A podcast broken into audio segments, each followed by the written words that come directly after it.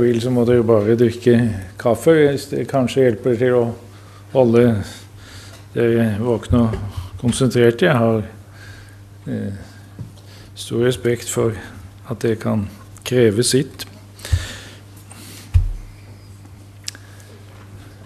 Men la oss eh, sukke og be takk, Herre, for at vi har ditt hellige ord imellom oss.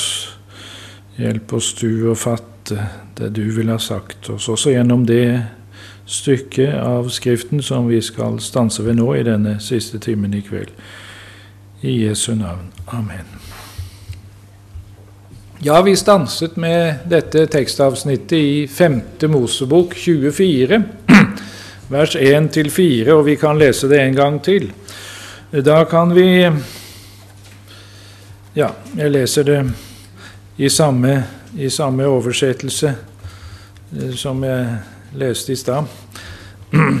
Dersom en mann tar seg ei kone og gifter seg med henne, men hun ikke lenger finner velvilje i hans øyne, fordi han har funnet noe usømmelig hos henne, da kan han skrive et skilsmissebrev til henne, gi henne det i handa og sende henne bort fra sitt hus. Om hun så etter å ha flyttet fra hans hus går bort og blir en annen manns kone, og denne andre mannen får uvilje mot henne og skriver henne et skilsmissebrev og gir henne det i handa og sender henne bort fra sitt hus, eller dersom den andre mannen som har tatt henne til kone, dør, da kan ikke hennes første mann, som sendte henne fra seg, ta henne til kone igjen etter at hun er blitt uren. For det er en stygdom for Herrens åsyn, og du skal ikke føre synd over landet som Herren din Gud gir deg til arv. Jødene var stolte av skilsmisseordningen sin, som de mente å ha grunnlag for i denne teksten, i det første verset. I skilsmissebrevet erklærte mannen at kona hadde rett til å gifte seg med en annen. Slik trodde jødene at de nettopp skulle unngå ekteskapsbrudd. Og så forkaster Jesus den oppfatningen fullstendig. Jødiske menn misbruker Moselovens ord og tror at den gir dem fullmakt til eh, mer eller mindre vilkårlige skilsmisser og påfølgende gjengifte for begge parter. Jesus så på tillatelsen til skilsmisse som en konsesjon til de harde hjerter. Det ser vi i kapittel 19. For deres harde hjertes skyld ga Moses dere lov til å skilles fra konene deres, men fra begynnelsen av var det ikke slik, sier han i Matteus 19,8. Men han sier ikke dermed at Moses tillot gjengifte etter skilsmisse. Nei, når Jesus sier at den som gifter seg med en fraskilt kvinne, driver hor, våger jeg å påstå at han dermed utlegger fortsettelsen av teksten i 5. Mosebok 24. Om en mann skiller seg fra kona og hun blir gift med en annen, blir hun uren. Hvorfor det? Fordi hun driver hor, nemlig ved å leve sammen med en ny mann. Dette forholdet rammes riktignok ikke av den gammeltestamentlige straffeloven. Det var ikke dødsstraff for gjengifte. Men igjen moralen er strengere enn jussen. De skriftlærde og fariseerne var intenst opptatt av at Moses tillot skilsmisse, og tok for gitt at han da også tillot gjengifte. Det var viktig for dem å prøve å definere en juridisk uangripelig skilsmisse. De var nok også opptatt av at eh, kona ikke kunne bli gjenforent med den første mannen dersom hun hadde vært gift med en annen etterpå. Men de hoppa over det problemet at gjengifte er ensbetydende med hor. Jesus krever en rettferdighet som langt overgår de skriftlærdes og fariseernes. Han skaper et folk med nye hjerter, som ikke forårsaker at ektefellen driver hor, og som derfor ikke skiller seg fra han eller henne om det da ikke skjer pga. utukt. Og Dermed utlegger Jesus også første vers i 5. Eh, Mosebok 24 på autoritativt vis. Det usømmelige som Moseloven nevner, er utukt. Jesus gjør bare dette ene unntaket fra forbudet mot skilsmisse, nemlig om ekteskapet er krenket ved utukt. Og Jesus sier altså at gjengifte er ensbetydende med hor. Den som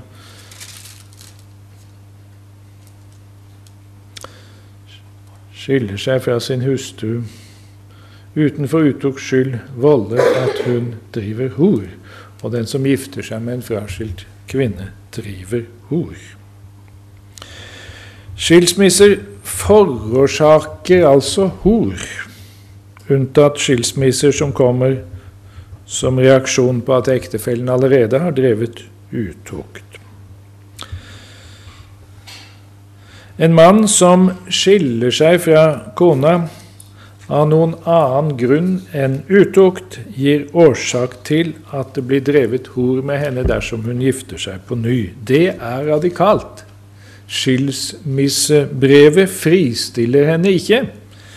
Jødene tok feil. Den fraskilte har ikke rett til å gifte seg med en annen.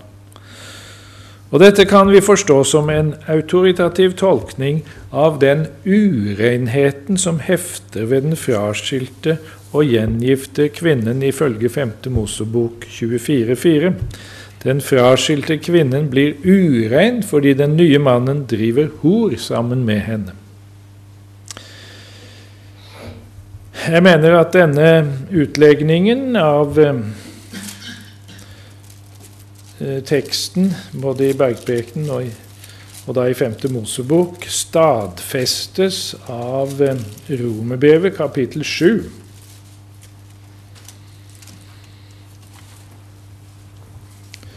Der eh,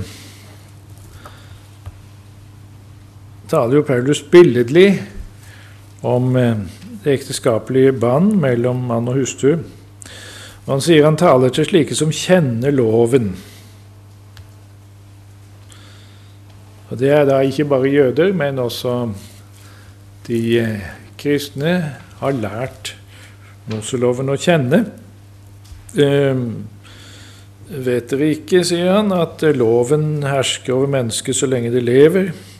Den gifte kvinne er jo ved loven bundet til sin mann så lenge han lever, men dersom mannen dør, er hun løst fra loven som bandt henne til mannen. Derfor skal hun kalles en horkvinne om hun mens mannen lever, ekter en annen mann. Men dersom mannen dør, er hun fri fra loven, så hun ikke blir en horkvinne om hun ekter en annen mann. Dette bruker han jo da billedlig. Eh, men samtidig så sier han da noe om ekteskapsretten.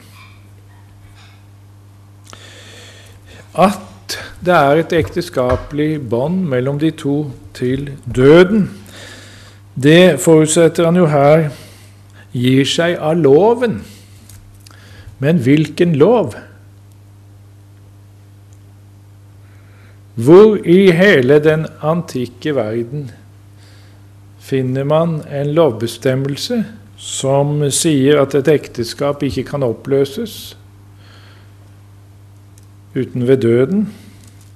Hvor i Moseloven finner en at eh, et ekteskap ikke kan oppløses ved skilsmisse,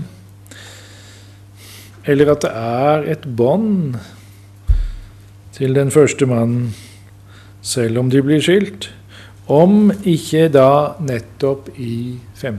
Mosebok 24, fordi den fraskilte blir uren når hun gifter seg med en annen mann. Eh,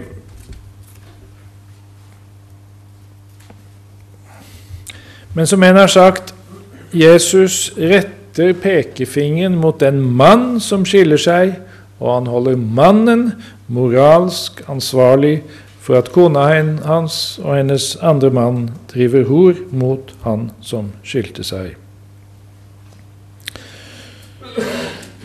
Unntaket for utukt skyld i vers 32 eh, kan sikte til en situasjon hvor mannen er forpliktet til å skille seg. Nå er vi i Matteus 5,32.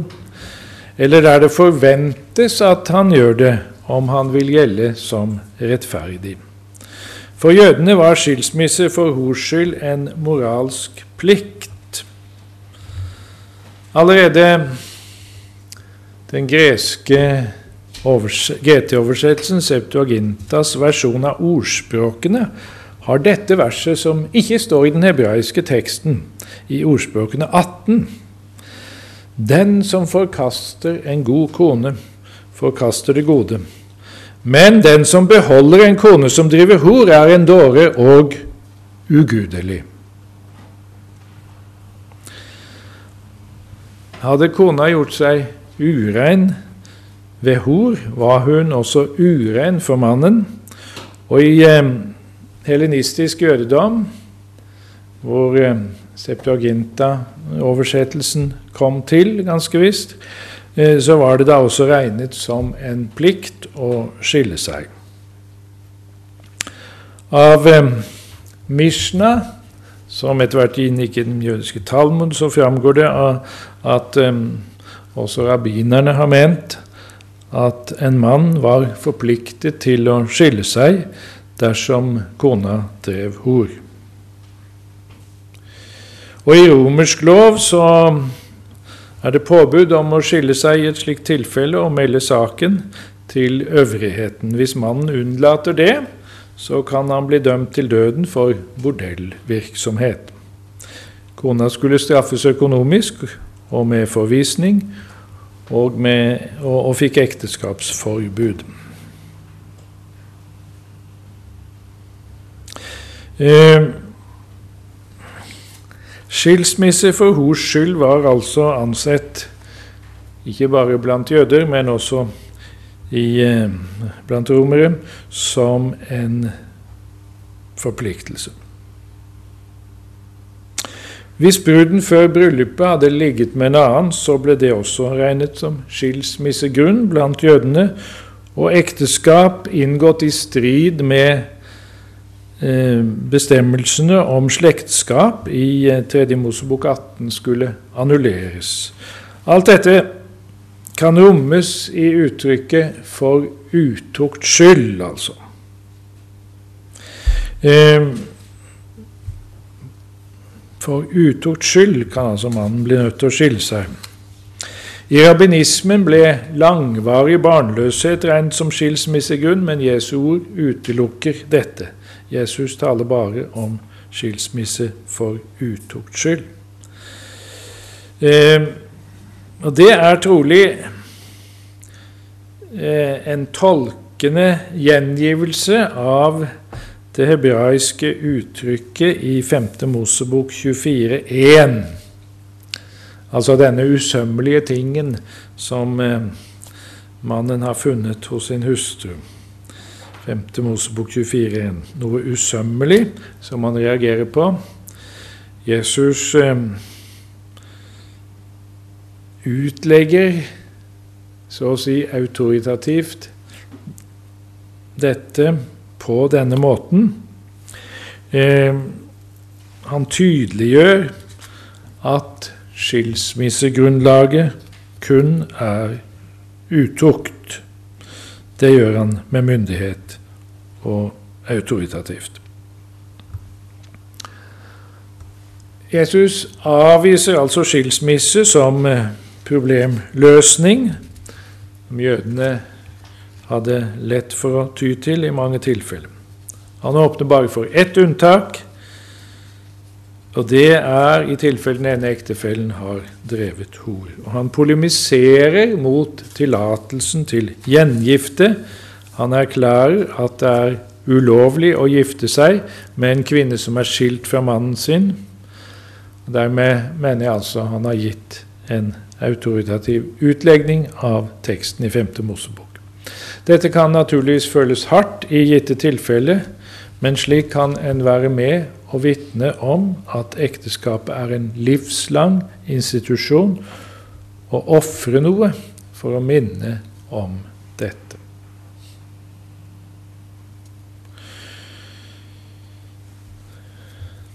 Vi kommer da til eh, den fjerde tesen og antitesen. Vers 33 til 37.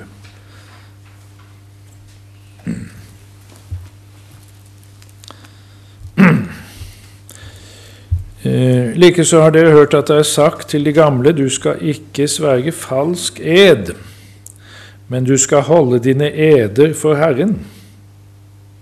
Men jeg sier dere at dere aldeles ikke skal sverge.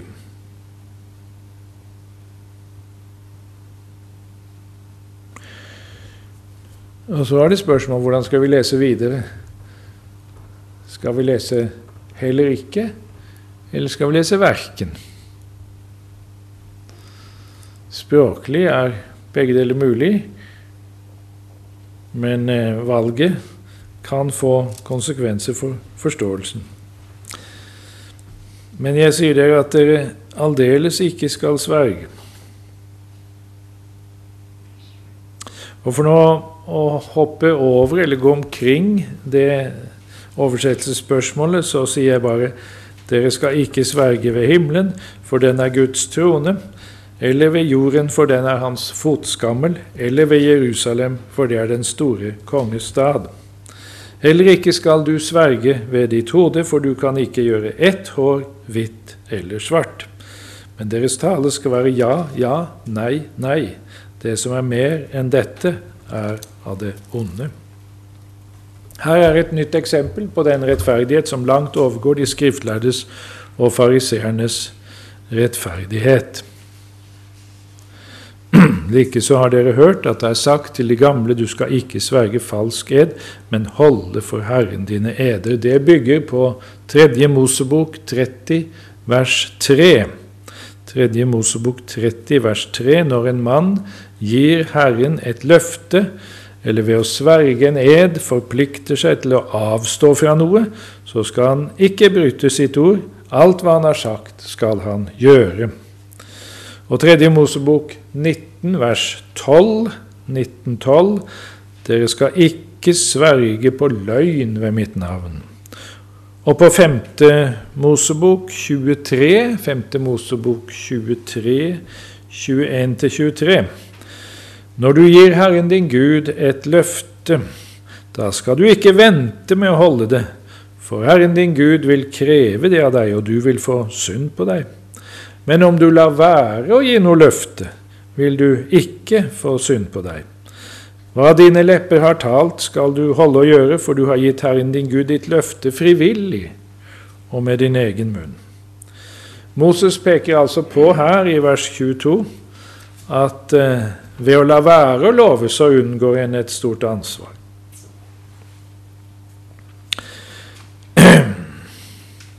Men Moseloven har også bestemmelser om bot og soning for mennesker som sverger tankeløst at han vil gjøre noe, enten ondt eller godt, som det står i 3. Mosebok kapittel 5. Tredje Mosebok 5. Falsk ed og lettsindig sverging ser ut til å ha vært et omfattende problem eh, blant jødene.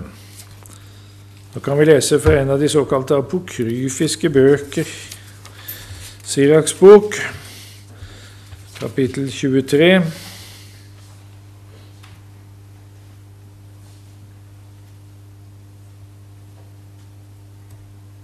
Vend ikke din munn til å sverge, og vend deg ikke til å nevne Den hellige. For like som en tjener som stadig piskes, ikke mangler strimer, slik blir heller ikke den som sverger og alltid nevner Den hellige, ren for synd. En mann som sverger mye, blir full av ugudelighet, og svøpeplager skal ikke vike fra hans hus. Dersom han forser seg slik, blir hans skyld over ham. Og dersom han er like glad med det, da har han syndet dobbelt. Og dersom han sverger uten grunn, da skal han ikke bli holdt rettferdig.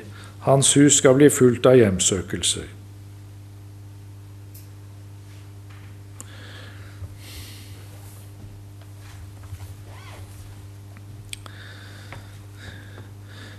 De skriftlærde søkte å motvirke lettsindig sverging. Det skulle straffes med hudstrykning, og ved domstolen ble en formant før edsavleggelse. Men Jesus krever konsekvens, og han krever full ærlighet. Det er jo også et oppgjør med, i et oppgjør med fariseerne. Han eh, taler i kapittel 23 om disse avsvekkede edsformuleringer. Hvis vi ser på Matteus 23, så ser vi fra vers 16 Ved dere, dere blinde veiledere som sier om noen sverger ved tempelet, det er intet. Men den som sverger ved gullet i tempelet, han er bundet. Dere dårer og blinde, hva er størst, gullet eller tempelet som helliger gullet? Og om noen sverger ved alteret, det er intet.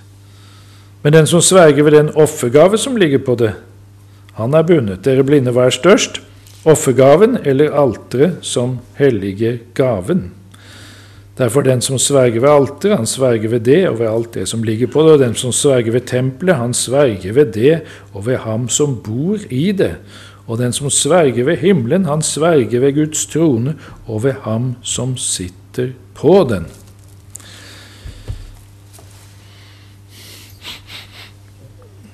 Jeg syns det lukter noe brent der. Gjør dere? Å nei. Da har vi fått det oppklart.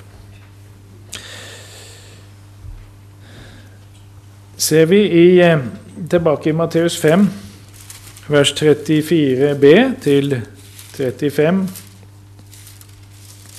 så ser vi sånne eh, edsformularer som eh, ser vi at folk brukte sånne edsformularer som var ment å være avsvekkede.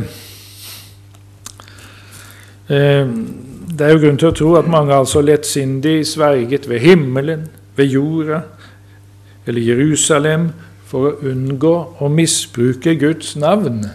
For det andre bud, 2. Mosebok 20, sier jo du skal ikke misbruke Herrens din Guds navn. Abraham lot sin tjener sverge ved Herren, himmelens og jordens Gud. Første Mosebok 24, 24,3. Og kanskje på bakgrunn av det har det i dagligtalen da blitt en vane å si 'ved himmelen' og 'ved jorda', og også ved Jerusalem, ved tempelet eller ved alteret, som vi kan skjønne av kapittel 23. Men ingen kan unngå edsforpliktelsen ved slike formuleringer og nevne f.eks. himmelen, jorda eller Jerusalem istedenfor Gud. Og det er heller ingen mening i å sverge ved seg selv, ved sitt hode. Det står ikke i menneskemakt å gjøre håret hvitt eller svart. Vers 36. Vers 37. Deres tale skal være ja, ja og nei, nei, hører vi der. Og det rammer utsagn som skal forsterke den enkle tale. Det som er mer enn dette, er av det onde. Sammenligne det Jesus sier i kapittel 12 om eh, hvert unyttig ord som menneskene taler og skal gjøre regnskap for på dommedag. Matteus 12, 36 og 37. Disiplenes tale skal være sannferdig, uten ed. Fariseerne og de skriftlærde kan nok utelukke løgnen ved ed, men Jesu disipler utelukker eden ved sannhet. Så er det da et spørsmål om Jesus så å si opphever edsinstituttet. Men her gjør jeg altså uttrykkelig oppmerksom på disse to forskjellige tolkninger av teksten som jeg antyda i stad. Hvordan er antitesen å forstå? Vi stoppa opp i vers 34 og spurte skal vi oversette med 'verken' eller med 'heller ikke'. Er vers 34b, 35 og 36 spesifiserende eller utfyllende i forhold til begynnelsen av vers 34. Det vil si Hvis det er spesifiserende, så er det Jesus forbyr, ikke i og for seg å sverge, ikke i og for seg å sverge ved Herren i eh, alvorlig sammenheng, men den type edsformularer som er nevnt i vers 34b, 35 og 36.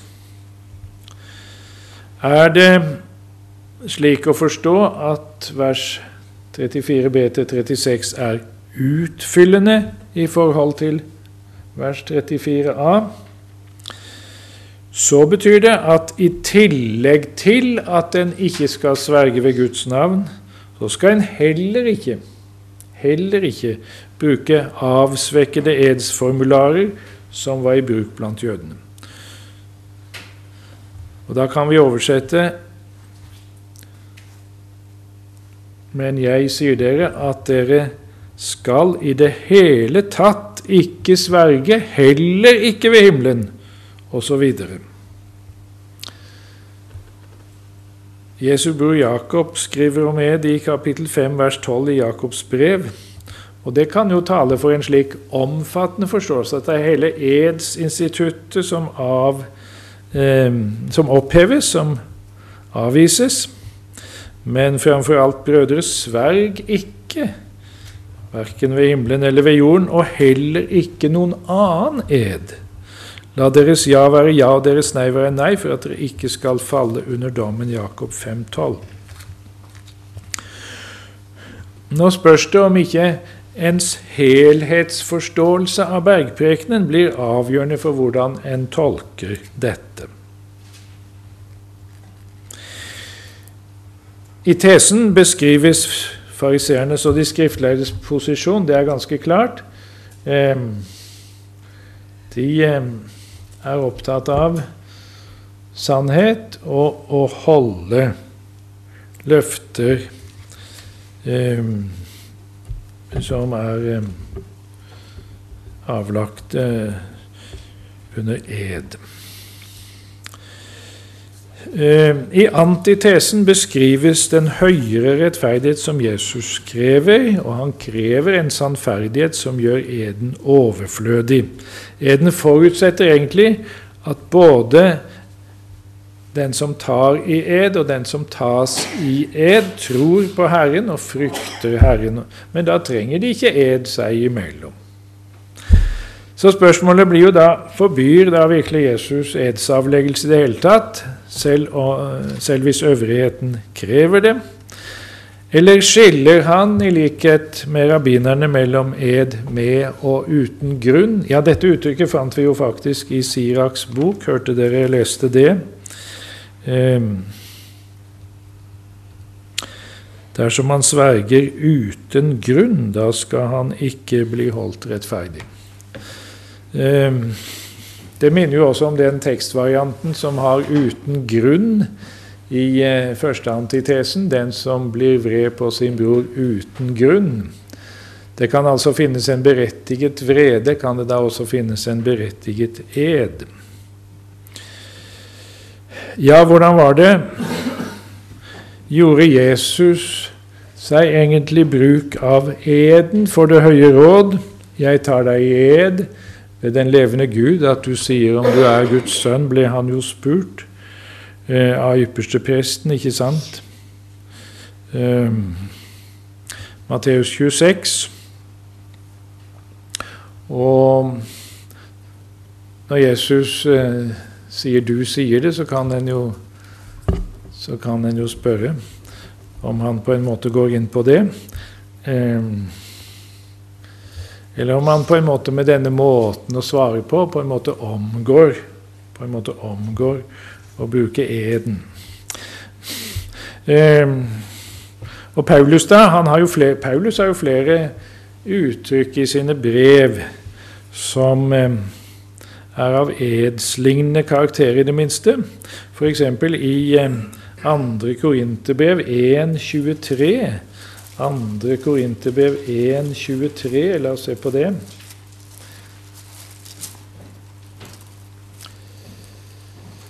Men jeg kaller Gud til vitne for min sjel, at det var for å skåne dere jeg ennå ikke er kommet til Korint, sier han der. Gjorde Paulus egentlig bruk av ed, eller gjorde han det ikke? Kanskje vi skal ha et sideblikk til den neste antitesen, den femte antitesen, før vi prøver å svare. Og da er vi kommet til vers 38 til 42.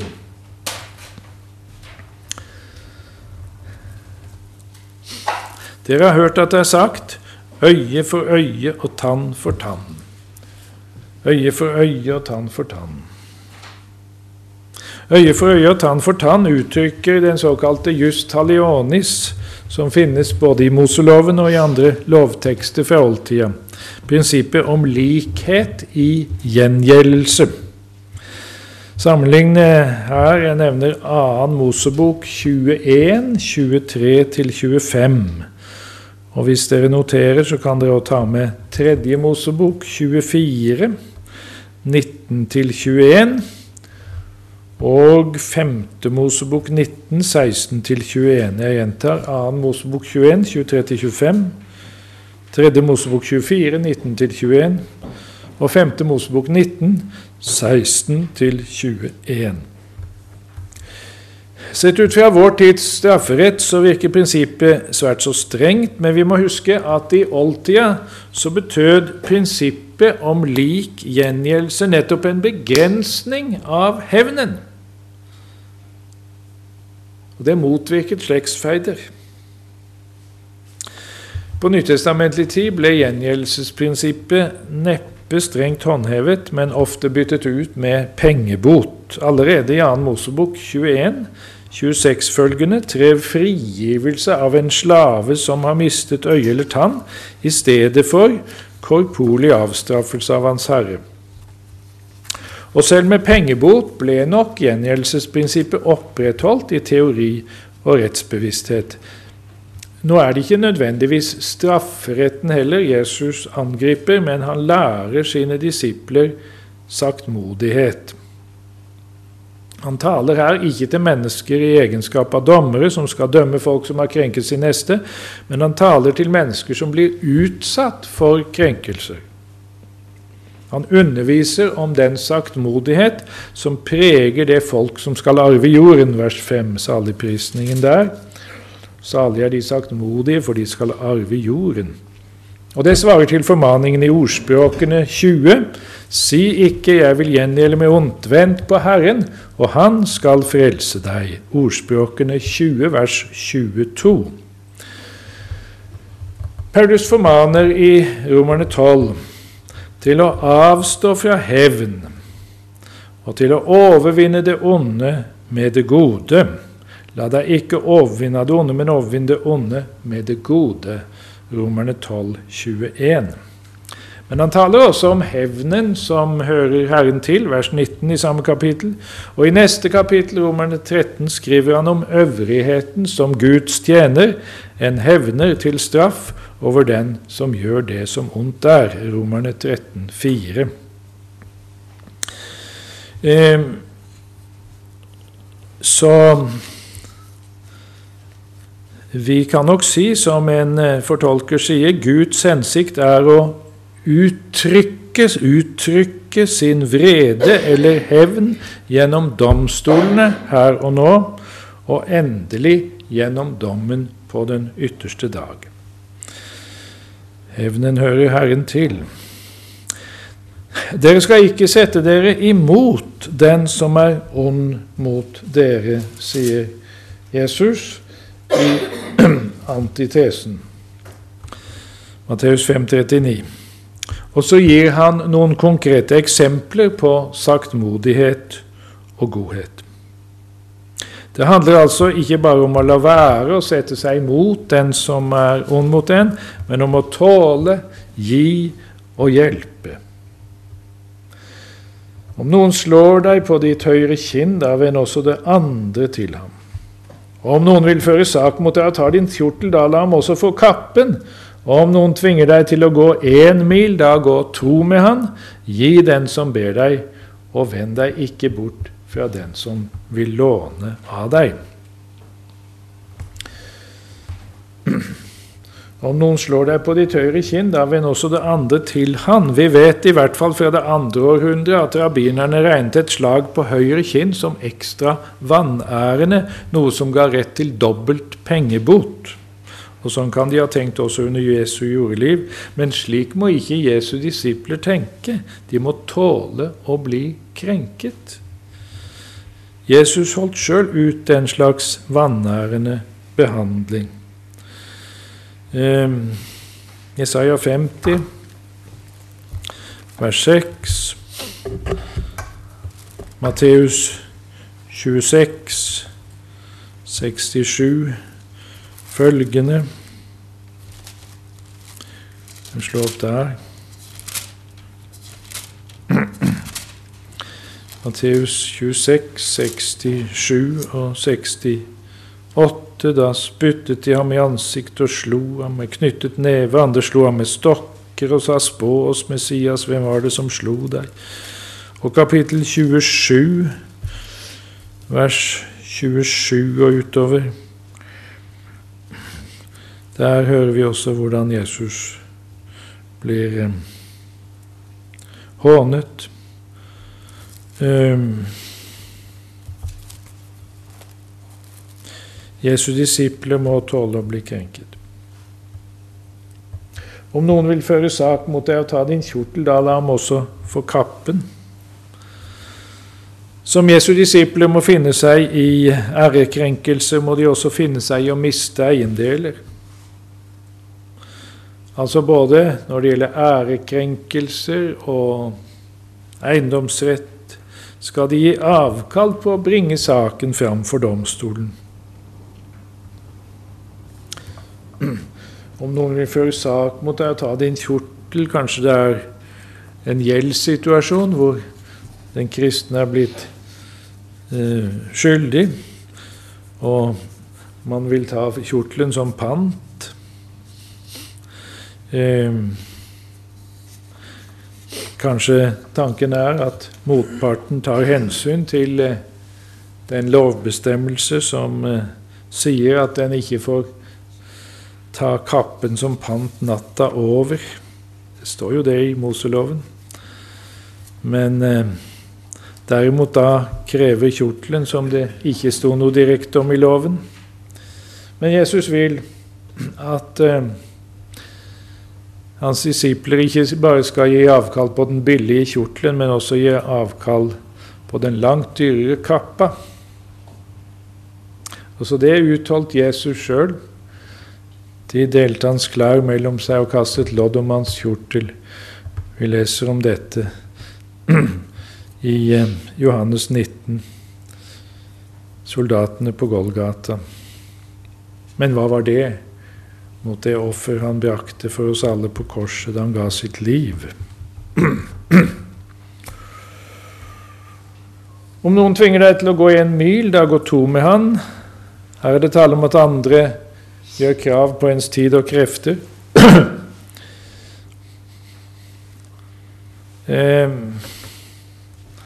Her er brukt et eh, spesielt verb i vers 41 tvinger deg til å gå. Agarevein på gresk. Det kommer av eh, ordet agaros, som eh, var betegnelse på en eh, postfører i Perserriket en statspostfører i det persiske riket som hadde rett til å rekvirere folk, trekkdyr eller kjøreredskap fra stasjon til stasjon. Så dette er da et låneord fra persisk som brukes om å tvinge til tjeneste, særlig folk og dyr til transport og lignende.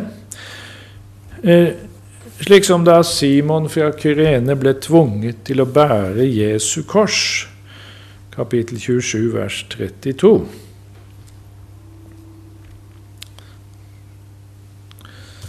Eh, om noen tvinger deg til å gå én mil En romersk mil er ca. 1480 meter, altså ca. halvannen kilometer. Det sto milesteiner langs de romerske veiene.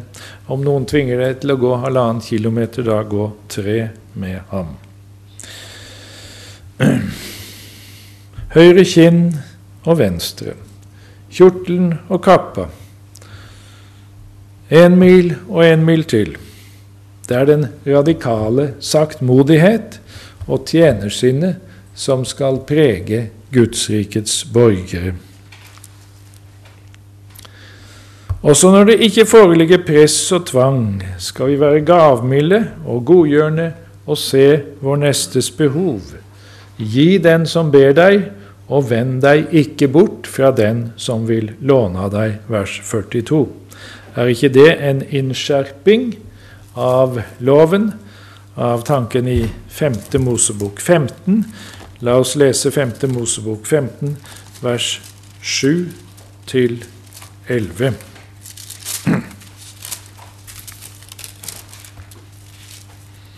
Når det er en fattig hos deg blant dine brødre i noen av byene, i det land som Herren din Gud gir deg, da skal du ikke være hårhjertet og lukke din hånd for din fattige bror, men du skal lukke opp din hånd for ham og låne ham det han mangler og trenger til. Vokt deg at det ikke kommer en ond tanke opp i ditt hjerte, så du sier nå er det snart det sjuende år, ettergivelsesåret, og du ser med onde øyne på din fattige bror og ikke gir han noe. For da kommer han til å klage over deg til Herren, og du fører synd over deg. Du skal gjerne gi ham, og det skal ikke gjøre ditt hjerte ondt når du gir ham, for da skal Herren din Gud velsigne deg i alt ditt arbeid og i alt det du tar deg fore. For fattige kommer det alltid til å være i landet. Derfor byr jeg deg og sier, du skal lukke opp din hånd for din bror, for de trengende og fattige som du har i ditt land.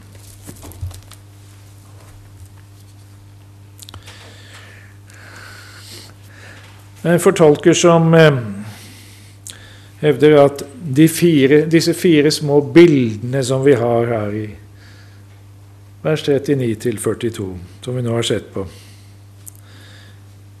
ikke er gitt som, som detaljerte regler, men som illustrasjoner av et prinsipp.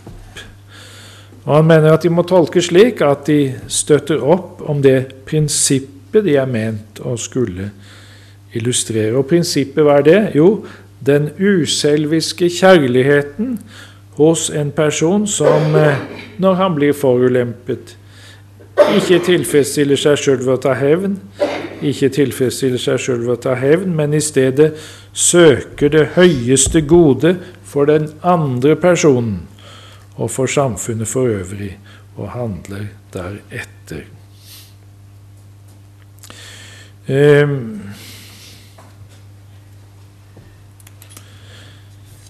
Ser vi på det tilsvarende ordet i eh, Lukas 6, i sletteprekenen hos Lukas, så finner vi, finner vi jo det i vers 29 og 30. Etter formaningen til fiendekjærlighet. Um, så det er eh, uttrykk for den kjærlighet som favner alle. Kjærligheten er den eneste kraft som er i stand til å omskape en fiende til en venn, sa Martin Luther King. Og eh, i Lukas 6 så følges det også av eh, den gylne regel om eh, det vi vil at andre skal gjøre mot oss, skal vi jo gjøre mot dem. Og det er jo en nøkkel i bergprekenen, Matteus 7,12. Derfor alt det dere vil at menneskene skal gjøre mot dere, det skal også dere gjøre mot dem, for dette er loven og profetene. Ut fra den regel så vi, må vi også lese og forstå disse eksemplene i eh, den femte antitesen. Det kan være naturlig her å drøfte helhetsforståelsen litt av antitesene. Hvor bokstavelig skal de oppfattes? Luther skjelnet mellom åndelig regiment og verdslig regiment, og mellom person og embete. Som embetsutøver i det verdslige regimentet må f.eks. en dommer bruke ytre makt mot det onde. Bergprekenens radikale krav settes da i forhold til privatlivet.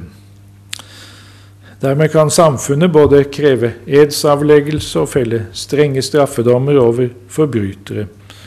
Men Luther lærte at vi står til ansvar for Gud i begge regimenter, både det åndelige og det verdslige, og i ethvert embete. Eh,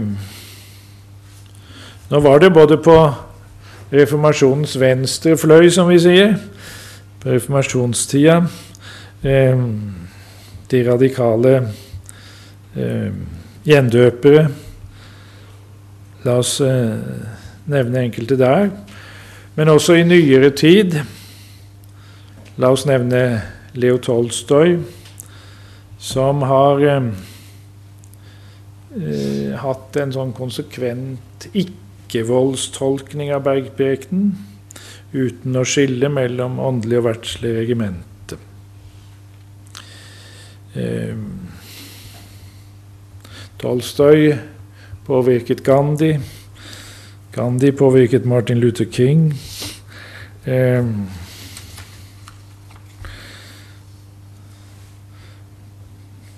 men John Stott sier, sier jeg tror for, Martin Luther King forsto Jesu lære bedre enn både Gandhi og Tolstoy.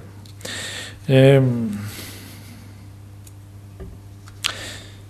Martin Luther King sto jo for en sånn ikke-voldsstrategi i samfunnet. Eh, og opplevde mye motgang, og ble jo til slutt drept. Men eh, han forkynte ikke-vold og kjærlighetens forløsende kraft. I eh, den lutherske ortodoksi så ble bergprekenens radikale krav tolket ut fra læren om lovens tre bruk. Bergprekenens radikale krav virker syndserkjennelse og driver synderen til Kristus. Og Det er jo utvilsomt et riktig aspekt, men det kan bli en nokså ensidig betoning av dette og en nokså ensidig tolkning ut ifra læren om rettferdiggjørelsen ved troen alene. Det talte vi noe om forrige gang, og vi tok fram Pontoppidans kritikk av en slik bergprekentolkning. Bergpreken klargjør jo i virkeligheten konsekvenser av omvendelsen og krever den faktiske livsrettferdighet som er frukt av det nye livet ved troen. Men det er klart, erkjennelsen av mangel på frukt må drive oss til Kristus.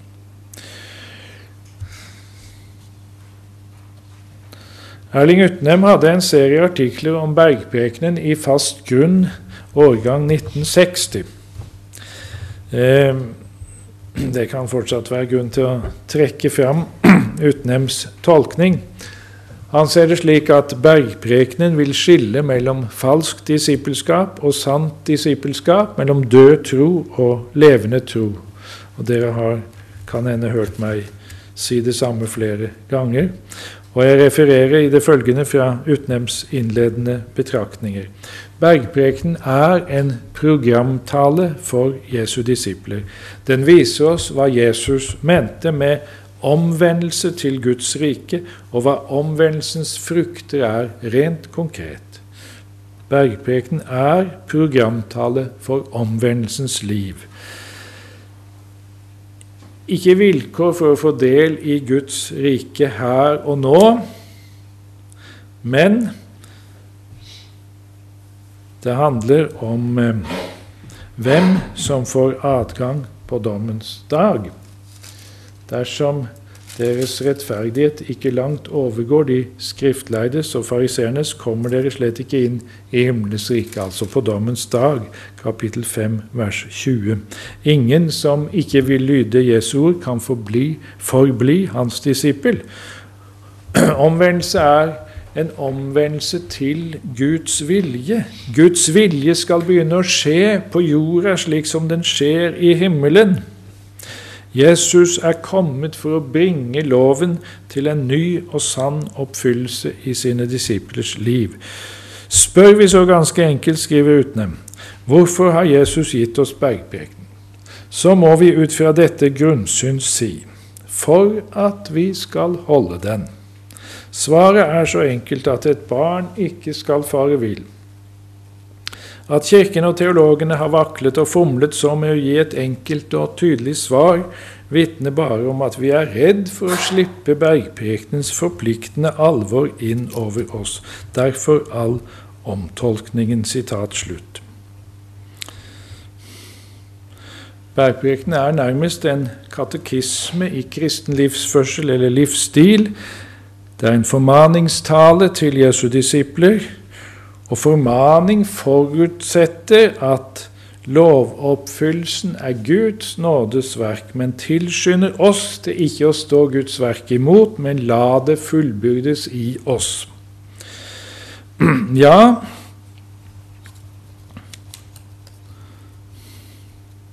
Har vi svart på alle spørsmål? Eh, vi, vi har vært inne på at her er spissformuleringer. Altså tenke på det å rive ut øyet, hogge av handa. Eh, vi tolket ikke det bokstavelig i stad. Eh, og det må vi vel erkjenne at Jesus bruker noen sånne spissformuleringer. Eh, så er det der noen ganske visst som, som sier ja, skal vi ikke ta dette bokstavelig, så skal vi da vel heller ikke ta de etiske krav bokstavelig. Det er spissformuleringer. F.eks. når Jesus altså sier 'Den som utenfor utuktskyld skiller seg fra sin hustru' osv., ja, så blir det en spissformulering. Kan ikke ta det helt eh, Kan ikke ta det bokstavelig. Eh, kan ikke ta det så, så alvorlig. Det fins flere situasjoner. Og sånn kan man holde på. Og Det tror jeg er en måte å lese på som jeg vil advare mot. Absolutt. Eh, det er viktig å skjelne mellom sånne tydelige spissformuleringer som vi har snakka om i stad, og de etiske formaninger som Jesus kommer med, som ikke må avsvekkes, men som må tas bokstavelig. Bergprekenen er gitt for at vi skal holde den, men vi må altså forstå hva som er konkrete bud, og hva som er spissformuleringer. Um, Når Jesus sier 'den som utenfor utuktskyld skiller seg fra sin hustru', um, volder at hun driver hor, så mener han det. Så er det bare ett unntak fra forbudet mot skilsmisse, f.eks.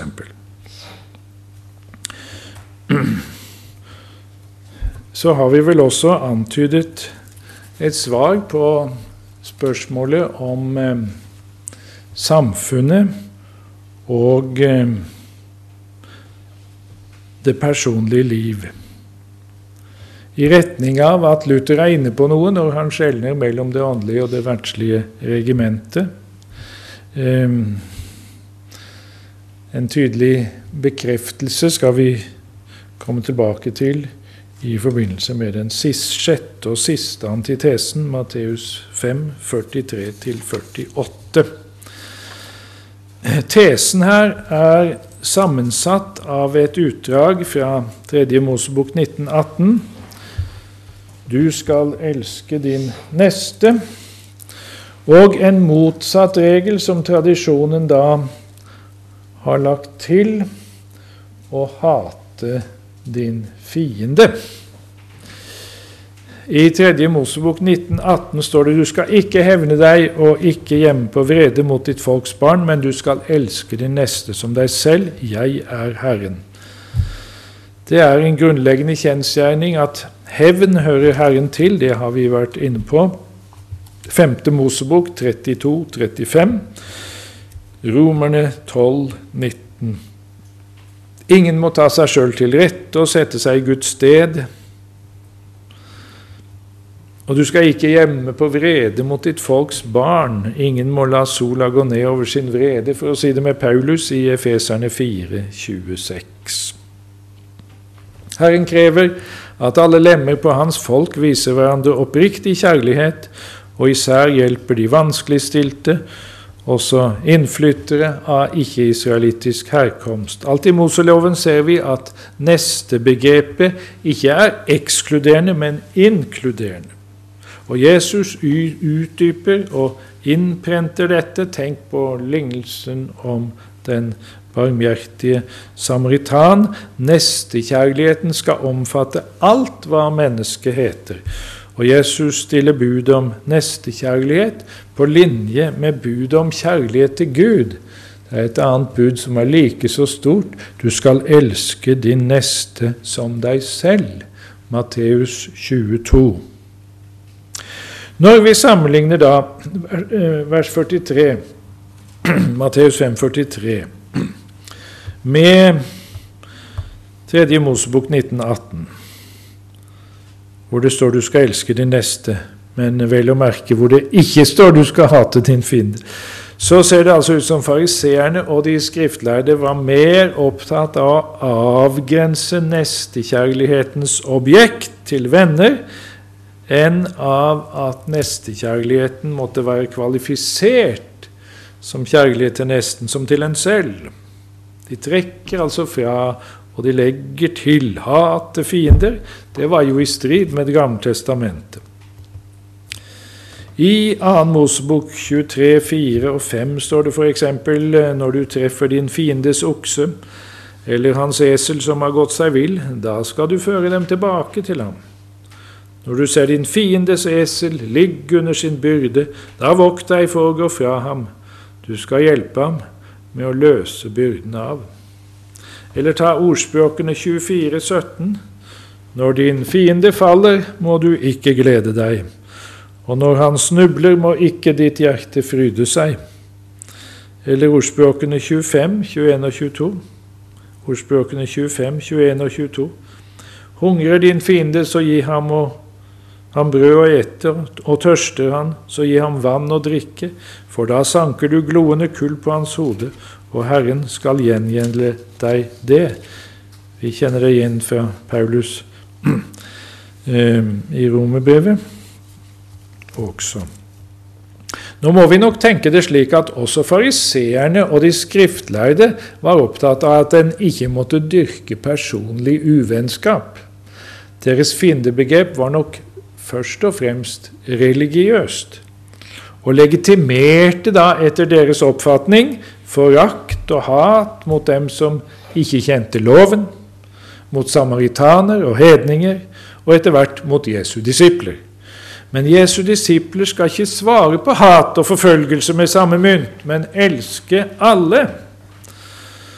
Og Romerne 12, 17 til 21 er som en gjenklang av de to siste antitesene i Matteus 5. La oss slå opp Romerne 12.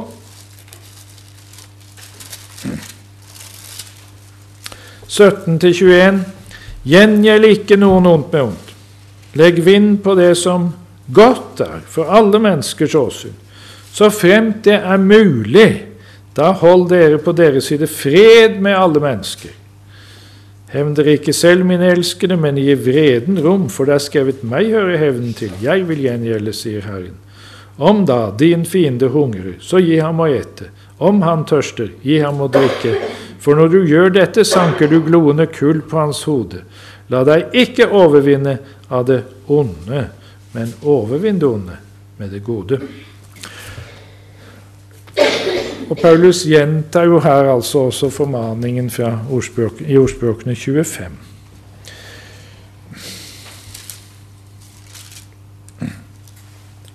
Elsk deres fiender, sier Jesus. Her eh, er det noe usikkerhet hvor lang den opprinnelige teksten har vært. Nå leser jeg sånn som vi har det i 1930. Elsk deres fiender, velsign dem som forbanner dere, gjør vel mot dem som hater dere, og be for dem som forfølger dere. For at dere kan bli deres himmelske Fars barn, står det i neste vers. For han lar sin sol gå opp over onde og gode, og lar det regne over rettferdige og urettferdige. Guds barn ligner sin himmelske Far. Som Gud elsker både rettferdige og urettferdige, skal Jesu disipler elske både venner og fiender, mens andre jøder kunne be om undergang for kristne og hedninger, skal Jesu disipler gå i forbønn for forfølgerne. Nestekjærligheten skal ikke bare strekke seg til trossøsken eller landsmenn. For om dere elsker dem som elsker dere, hva lønn har dere da? Gjør ikke også tollerne det samme? Og om dere hilser bare på deres brødre, hva stort gjør dere da? Gjør ikke også hedningene det samme, vers 46 og 47? Kravet i vers 48 er slik Derfor skal dere være fullkomne, liksom deres himmelske Far er fullkommen. Ja, Det ordet som er oversatt med 'fullkommen', kan uh, tolkes og oversettes på flere måter. Og Det må ikke misforstås som om det er et umulig krav som bare viser at vi er syndere som trenger syndsforlatelse. Guds lov viser oss jo alltid at vi er det, for vi snubler stadig. Men det betyr ikke at ikke vi skal leve etter loven. Kravet om å være fullkomne betyr at vår rettferdighet må overgå de skriftlærdes og fariseernes rettferdighet. Tolkningen av hva det er, gir seg langt på vei av sammenhengen. Vær fullkomne som deres himmelske Far er fullkommen. Det handler altså om å ligne Gud, som lar sin sol gå opp over onde og gode, og lar det regne over rettferdige og urettferdige. Parallellordet i Lukas 6 peker i samme retning. Vær barmhjertige, står det der, like som deres far er barmhjertig. Lukas 6, 36. Matteus 5, 48 er nok en fanfare som avslutter hele rekken av antiteser i Matteus 5, men samtidig avslutter den jo på en særlig måte den sjette og siste antitesen. Elsk deres fiender. Fullkommen nestekjærlighet omfatter alle. Det greske ordet som er oversatt med 'fullkommen', altså, til eios, er brukt i den gamle greske GT-oversettelsen Septuaginta om Noah i Første Mosebok 6,9. Og Da kan vi jo ikke si, jo ikke si at det er, det er, umulig i denne verden for et syndig menneske å være fullkommen. Noah var fullkommen i denne forstand. Som gjengivelse av et hebraisk ord er det brukt, er det brukt. Tamim på hebraisk. Og dette ordet våger David å bruke om seg sjøl i 2. Samuel 22, 24. 2. Samuel 22, 24. David, David var jo en synder. Vi har lært å kjenne han som både synder og rettferdig. Men han kunne altså si at han var fullkommen i en eller annen mening. Og det er den fullkommenhet, ustraffelige og helhjertede ferd som Herren krevde av Abraham. Der har vi det i Første Mosebok 17,1. Vandre for mitt åsyn og vær ustraffelig, vær fullkommen. Eh, og som han krever av israelittene i 5. Mosebok 18, 13, det må vi slå opp. 5. Mosebok 18, 13. Jeg fikk plutselig vite at vi hadde tida fram til halv ti. Jeg visste ikke det.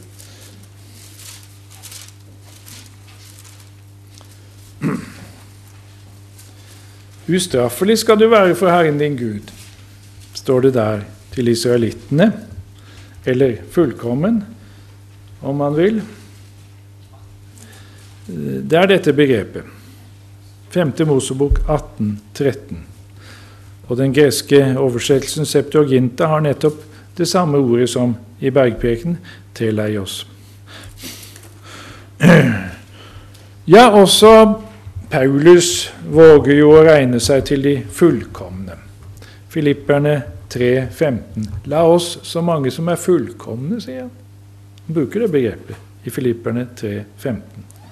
Hos Paulus, hos Jakob, i hebreerbrevet er ordet 'fullkommen' også assosiert med tanken på vekst og modning. Klarest er det kanskje i Efeserne 4,13, der grunnteksten taler om at menigheten skal nå fram til å være moden eller voksen mann. Vi formaner hvert menneske og lærer hvert menneske med all visdom for å framstille hvert menneske fullkomment til Kristus, sier Paulus i Kolosserne 1, 28. Der har du det igjen. Vi snubler alle sammen i mange ting. Den som ikke snubler i tale, han er en fullkommen mann i stand til også å holde hele legemet i tømme, sier Jakob i Jakob 3,2. Og Hebreerbrevet skiller i kapittel 5 mellom barn og fullkomne, dvs. Si modne eller voksne. I den gamle liberale teologi ble Matteus 5,48 tolket som krav om absolutt fullkommenhet i sinnelaget. Men som Erling Utne minner om, så forutsetter Jesus at disiplene fristes til vrede, kapittel 5, vers 22. At de har et øye som kan tennes i syndig begjær, vers 28. At de har et hjerte og sinn som kan lukke seg for fiendene, vers 39 osv. Han regner med disiplenes indre syndeforderv, og kan derfor si dere som er onde, kapittel 7, vers 10. Og disiplene trenger jo hver dag å be slik han har lært oss i Fader vår, forlat oss vår skyld. Kapittel 6, vers 12. Vi kan altså ikke sette likhetstegn mellom syndfrihet og den fullkommenhet som Jesus krever i vers 48. Det handler om å lære den nestekjærlighet som med Gud som forbilde favner alle mennesker med kjærlighet og godhet. Takk.